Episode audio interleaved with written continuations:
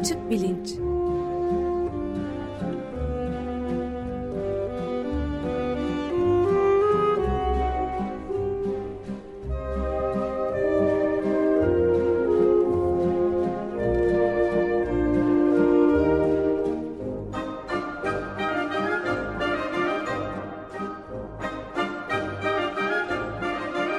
Güven Güzeldere ile bilim ve felsefe sohbetleri. Günaydın Güven Bey, merhabalar. Günaydın Ömer Bey. Günaydın. Günaydın Özdeş. Açık Bilinç'te bir diğer bazı programlarda da konuştuğumuz gibi giderek büyüyen göç meselesini konuşmaya devam ediyoruz. Bugün Ahmet İç Duygu'yla beraber konuğumuz olacak ama siz duyurusunu yaparsanız seviniriz. Tabii konuğumuz Koç Üniversitesi'nden Profesör Ahmet İç Duygu. Hoş geldiniz Ahmet Bey. Teşekkür ederim. Merhaba, hoş geldiniz. Hoş geldiniz Ahmet Bey. Haftadır göç, göçmenlik, göçebelik konularını ele almaya başladık. Ee, son iki haftada önce Profesör Reşat Kasaba ile sonra geçen haftada e, Profesör Ahmet İç Duygu ile aynı okulda meslektaş olan ve aynı bölümde aslında Özlem Altan Olcay'la konuşmuştuk. Bunu eş zamanlı olarak Vakainame'de de yapmaya çalışıyoruz. E, fakat Vakainame'de daha ziyade Türkiye gündemine temas eden şekilde konuları ele almaya çalışıyoruz. Mesela Profesör Feyzi Baban'la işte Suriyelilerin kırılgan hayatları üzerine e, konuştuk. Geçen haftada e, Türkiye'ye gelen göçten ziyade bu sefer Türkiye'nin dışarıya verdiği göç konusunu Profesör Ahmet İnsel ele almıştı. Vakainame'deki programlar devam edecek göç ve göçmenlik üzerine fakat e, yani bir süre sonra da aslında biraz e, Ömer Madra'nın deyimiyle hayatı hakikiye hikayelerine dönsün istiyorum oradaki programlar. Fakat açık bilinçte göç ve göçmenlik konusunu bu programla noktalayacağız. En azından bir noktalı virgül koymuş olacağız. E, e, ben konuğumuzu tanıtayım. Profesör Ahmet İçduygu Koç Üniversitesi'nde hem uluslararası ilişkiler hem de sosyoloji bölümlerinde öğretim üyesi. Aynı zamanda beşeri ve sosyal bilimler e, fakültesinin dekanı ve e, göç araştırmaları merkezinin Koç Üniversitesi bünyesinde e, direktörü. E, doktorası e, Avustralya Ulusal Üniversitesi'nden, e, ANU'dan, e, Avrupa'nın çeşitli e, üniversitelerinde e, misafir öğretim üyesi olarak bulunmuş, bilim akademisi üyesi, e, derlediği ve yazdığı pek çok kitabı ve makalesi var. Yani pek çok diyorum, tek tek saymaya başlasam programın sonunu bulacağımız kadar çok. E, ve göç konusunu öteden beri e, takip eden e, Türkiye'deki akademisyenlerden bir tanesi. Ahmet Bey ben şuradan başlayayım istiyorum. Şimdi e, göç bir, hem ağır bir konu hem Türkiye toplumunu kutuplaştıran ikiye bölen bir konu. İşte Suriyeliler geldi şöyle oldu böyle oldu. E, yabancıları göndermenin e, ülkelerine göndermenin ötesinde başka siyasi programlarında hiçbir şey olmayan bir parti bile işte yüzde birkaç oy e, alacak hale e, geliyor filan. Onlardan ziyade, onları daha ziyade işte Vakainame'deki programlarda ele almaya çalışıyoruz. Biraz bu göç araştırmaları konusundan bahsedelim istiyorum. Önce şunu sorarak başlayayım. Ee, siz bu konuyu çalışmaya nasıl karar verdiniz? Ne zaman karar verdiniz ve niye? Ve kendinize hedef olarak koyduğunuz ben göç ve göçmenlik konusunda çalışayım. Şu soruları çünkü en ilginç buluyorum dediğiniz e, sorular nelerdi? Ben e, yani sosyoloji okudum Orta Doğu Teknik Üniversitesi'nde. E, sosyoloji okurken e, tabii ki birçok derste aslında hem de yaşadığımız yani Türkiye işte e, diğer derslerde sadece sosyoloji derslerinde işte hem göç alan yani Türkiye Cumhuriyeti'nin kuruluşundan bu yana adeta göçlerle kurulmuş hem giden hem gelen göçlerle kurulmuş. E, ya önemli bir konu olduğunu anladım. E, ancak yani belki bu 1980'lerde e, Türkiye o sırada 80 ihtilali olmuştu. Aynı zamanda da yeni bir e, Türkiye'den mülteci akını vardı. Yani hem sağdan hem soldan insanlar yurt dışına çıkıyorlardı. Yani öyle güncel konuların içinden de bir anlamda hani Türkiye hem göç veriyor hem de göç alıyor meselesinden çıktım. Yani ben başladığımda tabii daha çok gö Türkiye göç veren bir ülke olarak tanınıyordu. Yani Cumhuriyet'in başında almış ya da vermiş. Ee, ya bu Türkiye'nin göç verme meselesinden Avustralya vakası ilginçtir. Yani Avustralya uzak bir yer. Ee, işte Türkler Avustralya neden gittiler sorusu hani doktora çalışmamı yaparken herkes işte Avrupa'ya Avrupa göçünü çalışıyor vesaire. Bir miktar yani Avustralya göçüne merak saldım. Onun için de Avustralya'ya gitmiştim doktora yapmak için.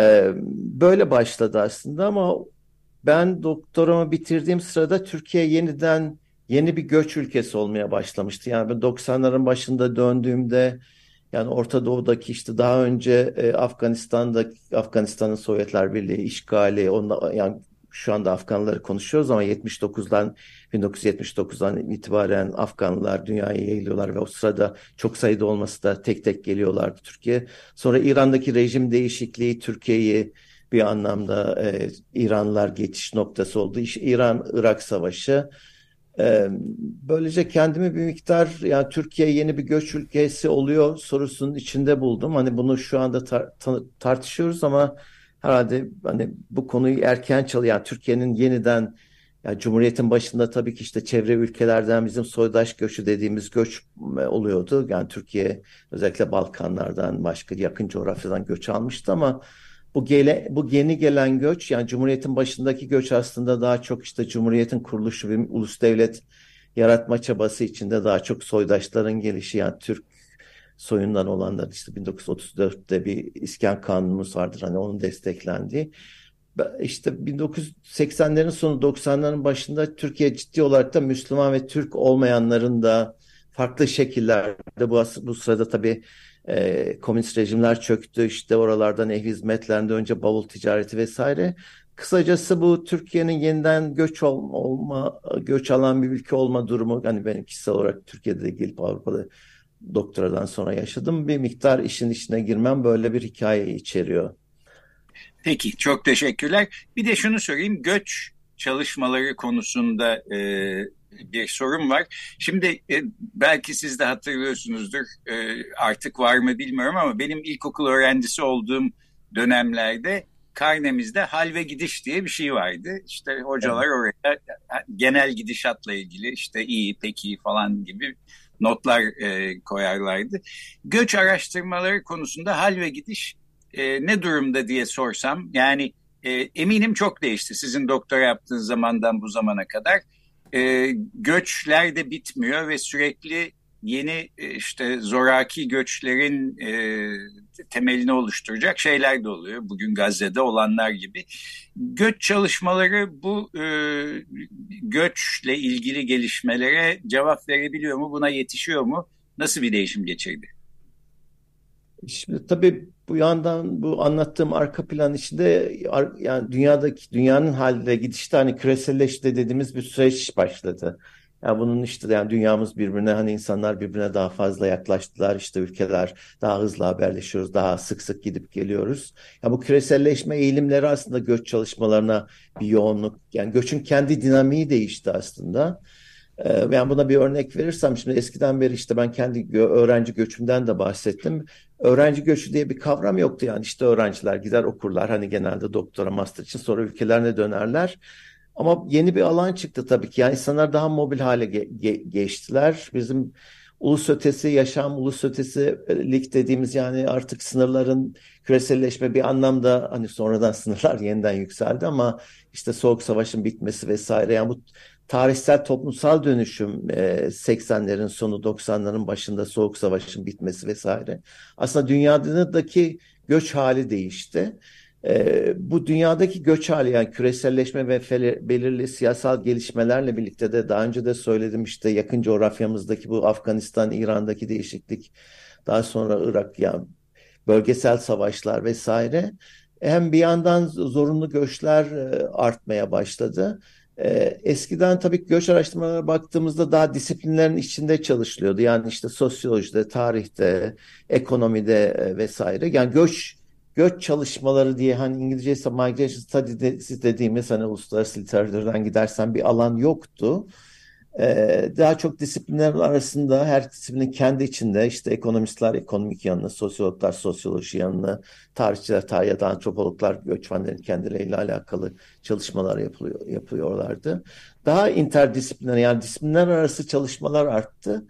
Ee, bir anlamda da şimdi ben kendi biraz kurduğum göç merkezinin hani onun da hikayesi anlamında işte ben doktorayı bitirip geldiğimde Avrupa Birliği meselesi de çok öndeydi. Bütün üniversitelerde Avrupa Birliği merkezleri kuruluyordu. Ben hani Türkiye bu kadar göçle iç içe girmiş yani bütün Türkiye Cumhuriyeti modern tarihin içinde hem gidenler hem gelenler anlamında.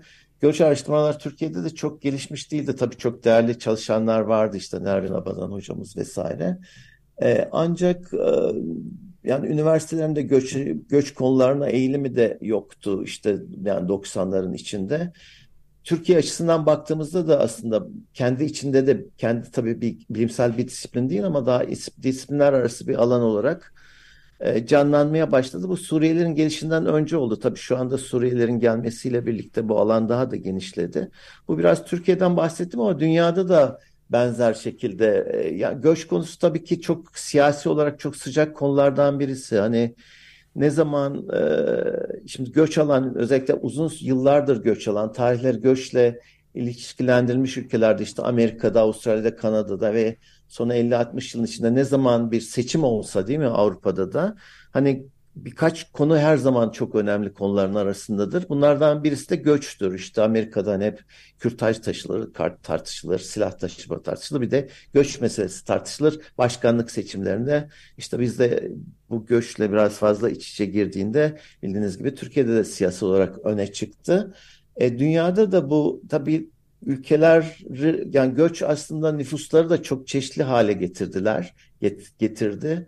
E, artık öyle kentlerde yaşıyoruz ki dünya üzerinde bazı kentlerin yani yüzde yirmisi yüzde otuzu başka ülkelerden gelmiş. Biz buna e, süper çeşitlilik, süper yani İngilizcesiyle süper diversity dediğimiz süper çeşitlilik diyoruz. Kısacası insan hayatının çok içine girdi. Yani şehirlerimiz daha fazla e, işte ulus devletin yani 20, 19. yüzyılın sonu 20. yüzyılın başıyla birçok ülkede daha homojen toplumlarda yaşıyorduk. Yani buna Türkiye açısından da örnek verebiliriz. Hani önce daha karmaşık toplayan İstanbul örneğini alırsanız işte çok nüfusun çok karmaşık olduğu 19. yüzyıl, 20. yüzyılın başı vesaire. Sonra ulus devletle yeniden tek türden insanların olduğu kentlerde, ülkelerde yaşamaya başladık. Yeniden tabii göç e, ülkeleri daha çeşitli hale getirmeye başladı. Yani farklı dinlerden, farklı uluslardan, farklı kimliklerden insanlar gelip bu da hem göç meselesini hem toplumsal olarak hem de siyasal olarak öne çıkaran konulardan birisi oldu ki bu çerçevede de aslında tabii göç araştırmalarının yükseldiğini görüyoruz. Peki ben son bir soru sorayım izninizle sonra Ömer Madde ve Özdeş'e bırakayım onların soruları da vardır. Şimdi siz e, göç konusunu hem e, Türkiye içinde e, göç olarak takip ediyorsunuz hem global e, seviyede takip ediyorsunuz. İlk en erken kitaplarınızdan birisinin başlığı Türkiye'de iç göç mesela. E, bu konuyu araştırmışsınız. Daha sonra derlediğiniz e, Deniz Ters ile birlikte derlediğiniz kitaplardan birisinin başlığı e, stres altında sınırlar Burada da anladığım kadarıyla Meksika ve Amerika Birleşik Devletleri arasındaki sınırdaki geçişkenlik ve göç konusunu Türkiye ve Avrupa Birliği sınırı e, ile karşılaştırarak çalışıyorsunuz. E, böyle bakıldığı zaman e, göç alma ve göç verme konusunda Türkiye dünyanın genelinde nasıl bir yere oturuyor sizce?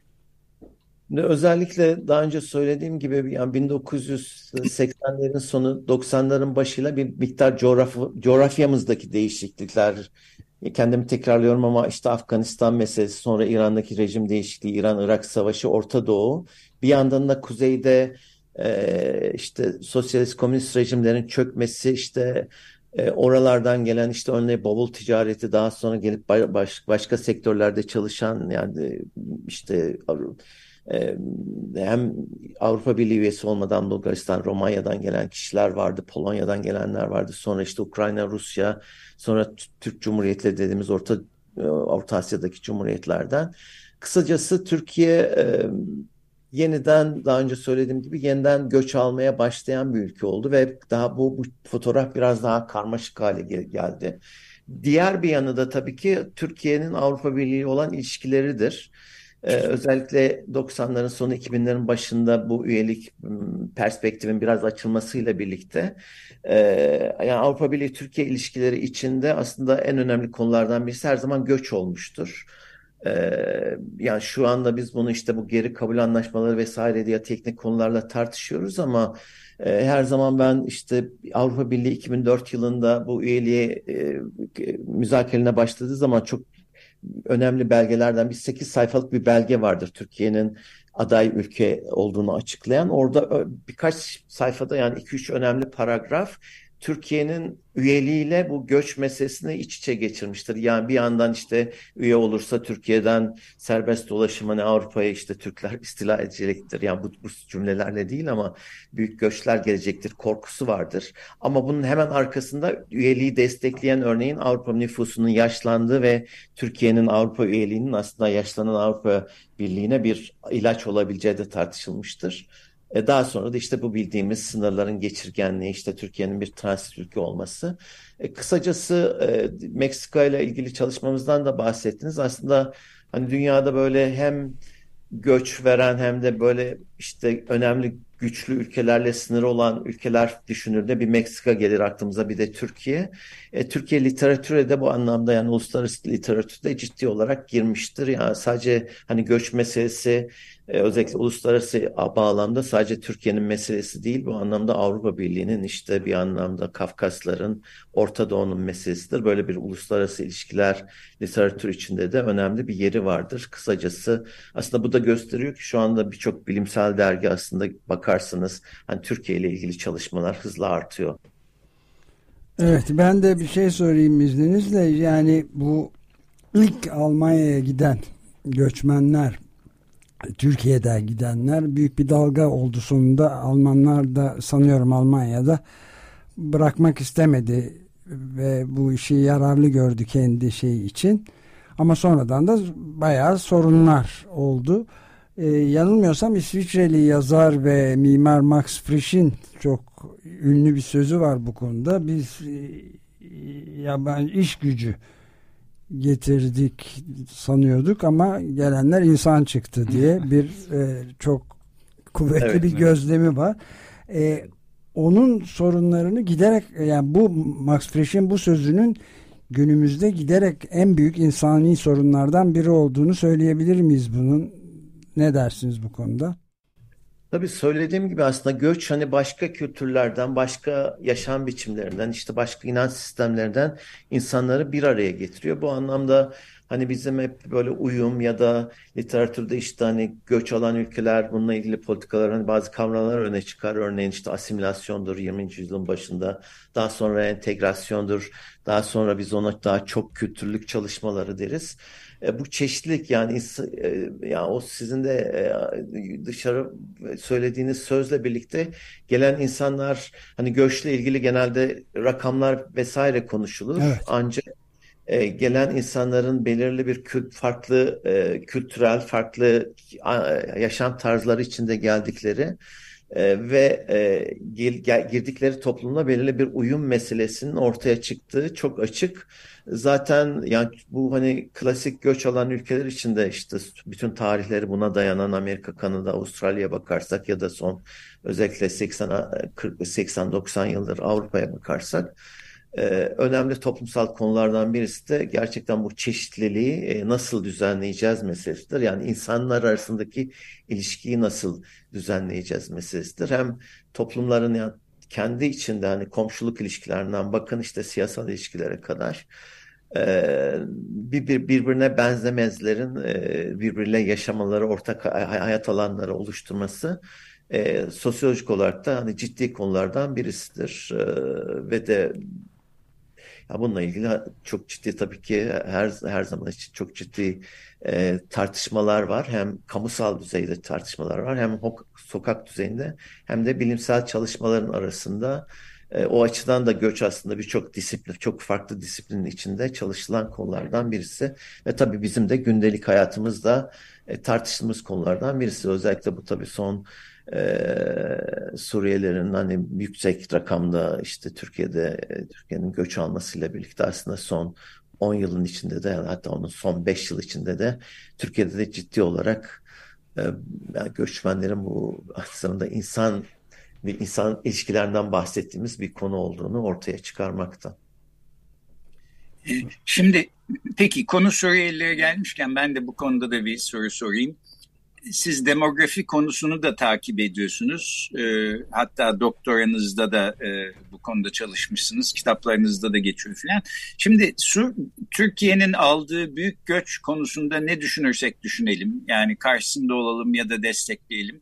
Her halükarda e, bu göçün Türkiye'nin demografisinde bir değişiklik yapacağı e, kesin gibi gözüküyor ve belki bugün tam olarak anlayamıyoruz ama işte etkilerini belki 10 sene 20 sene sonra daha derin bir şekilde göreceğiz. Bu konuda ne düşünüyorsunuz? Türkiye demografisi sizce ne şekilde e, değişebilir veya değişecektir ve bunun e, nasıl siyasi sonuçları olmasını beklemeliyiz? E, şimdi bu sıcak konulardan birisi tabii ki aslında göç olan göç olan bütün ülkelerde bu tartışılan konulardan birisi. Yine birkaç örnek vererek başlayayım. Yani işte daha dün Amerika'da bir rapor açıklandı. E, 2000 galiba 2050 yılında ya da 2060 yılında yaklaşık Amerikan nüfusunun %25'inin e, Hispanik kökenli yani Latin kökenli olacağı ve bunun daha tutucu siyasi görüşler bunun bir alarm veren, bunun uyarıcı bir e, konu olarak açtılar. Benzer şeyler Avrupa'da da tartışıldı işte Türklerin Almanya'daki işte 3 milyon hatta vatandaş olmaları vesaire. Ya bir miktar mayın tarlası bir alan olduğunu düşünüyorum ama şu dediğiniz doğru. Şüphesiz ki nüfusun kompozisyonu, göç nüfusun kompozisyonu değiştiren e, bir etken. E, burada biraz mayın tarlasına çekilen konulardan biz şu, şu açıklığı getirmeye çalışayım. Genelde göçmen gruplarının örneğin doğurganlı kızların bu Suriyeliler içinde doğru. Yani Türkiye'deki o nüfusun ortalamasının çok üzerinde. Ee, işte onların da artmasıyla birlikte yine böyle hani bir alarm, bir e, e, sorunlu bir alan olarak sunulması da var. E, şüphesiz yani ileriye baktığımızda bu nüfusun bu yani yoğun bir nüfustan bahsediyoruz. 3,5-4 milyon kadar bir nüfus ve doğurganlık meselesine baktığımızda da evet bu sayının artacağını düşünebiliriz. Burada bir önemli dipnot düşmek istiyorum. Özellikle bu doğurganlığın yüksek olmasıyla birlikte daha böyle bu işin telaşına kapılan düşünceler için uzun yani çok uzun sürmeyen süreçte aslında bu doğurganlık eğiliminin bütün göçmen gruplarında düştüğünü görüyoruz. Yani ilk yıllarda bir miktar artış var. Yani işte bu bütün araştırmalar bunu gösteriyor. Yani göçmen gruplarının doğurganlığı daha sonra içine girdikleri toplumun doğurganlık eğilimine geliyor. Şimdi kompozisyon açısından baktığınızda tabii ki bu daha önce de söyledim. Yani göç meselesinde önemli konulardan birisi bu etnik çeşitliliğin siyasal düzeyde de toplumsal düzeyde de e, nasıl düzenleneceği konusu işte eğitim meselesi var, eğitim gelen grupların ana dilleri var, e, bunların kendi eğitimin içine nasıl e, entegre edileceği meselesi var. E, yani çok uzun dönem için e, ya böyle çok sıkıntılı bir e, fotoğraf çizmek ideolojik olarak da çizmek istemem ama onun dışında e, ya tabii Suriye meselesinin ne olacağı geri dönüşler meselesi tartışılıyor. E, ya belirli anlamda e, işte vatandaşlık eğilimleri on, bu kişilerin belirli partilere oy vermesi meselesi düşünüldüğünde e, toplumsal tartışma yaratacak bir konu olduğunu düşünüyorum şüphesiz. E, e, ancak dediğim gibi yani siyasal açıdan baktığımızda e, daha tutucu siyasetçilerin bunu bir ciddi olarak abarttıklarını da düşünüyorum. Yani bütün dünyada hani e, örneğin e, şu korku vardı işte Hispaniklerin neredeyse Amerikan nüfusunun yarısını ele geçiyor. Yani önceki örneğin Huntington'ın yani bu ünlü siyaset bilimci Huntington'ın ölmeden önce bir makalesi vardır. e, Hispanic Challenge diye İngilizcesi yani işte güneyden gelenlerin meydan okuması anlamında. Onun korkusu e, bunun işte yüzde kırklara yüzde ellilere ulaşacağıydı bu yüzyılın ortasında. Bunun demografik olarak olmayacağı bu son raporda ortaya çıktı. E, yani bu bir uyum meselesi olarak görüyorum. Bu yani bunun sorunlu bir alan yaratması. Bir de bu galiba tabii kentleşme ve orta sınıflaşmayla da e, çok ilgili tabii, olsa olsa tabii gerek. Bu entegrasyon meselesi Aşırı sağ çünkü hep bunu e, iddia eder. Ben 90'larda Kürt meselesinden falan da mesela aynen, tam da bu aynen. argümanları hatırlıyorum evet. yani. Bir dakikamız Çok kaldığını güzel, da hatırlatayım güzel. izninizle. Evet. Çok güzel bir örneğe değindiniz. Yani benzer bir tartışma Türkiye'de Kürt nüfusla alakalı da vardı. E, şüphesiz ki bu entegrasyon sürecinin kendisi önemli. Yani şüphesiz ki yani bütün bu entegrasyon sorununun içinde sorunlu alanlar çıkacaktır. Örneğin Suriyeliler, gençlerin yani Suriyeli gençlere bir eğitim verir, iyi bir eğitim verilmesi, onların ve ekonomiye işte üretken bireyler olarak katılması meselesi yani bu ikinci nesil meselesi her zaman yani Almanya'daki Türkler için de tartışılmıştır. Önemli olan yapılacak politikalarla bu göçün olumsuz sonuçlarının düzeltilmesi olarak belki koy, koymalıyız. Yani sorunu kendi içinde böyle kitlesel tek bir yekpare bir sorun olmaktan daha çok çıkacak politikalarla bu şüphesiz her her dönüşüm, her değişimin içinde sorunlu alanlar var. İşte ciddi olarak gençlere yani Suriyeli gençler meselesi önümüzdeki yıllarda önemli konulardan birisi olacağını düşünüyorum. Ama bir miktar bu tabii ki ortaya konulacak politikalarla da alakalı. Evet bunu, bunu daha konuşmaya devam edeceğiz herhalde. Süreyi bitirdik evet. ama. Tamam böylece e, tamamlayalım. Çok teşekkür ediyoruz. Bugün konuğumuz Profesör Ahmet İç Duygu'ydu. Koç Üniversitesi'nden e, göç ve göçmenlik konularını ele aldık e, göç ve göçmenlik konularını işlediğimiz üçüncü hafta oldu bu. Böylece e, sona erdiriyoruz. Gelecek haftadan itibaren e, başka konularla karşınızda olacağız. Yeniden çok teşekkür ediyoruz Ahmet Bey. Çok teşekkürler. teşekkürler. İyi günler. Görüşmek üzere. İyi günler. Hoşçakalın.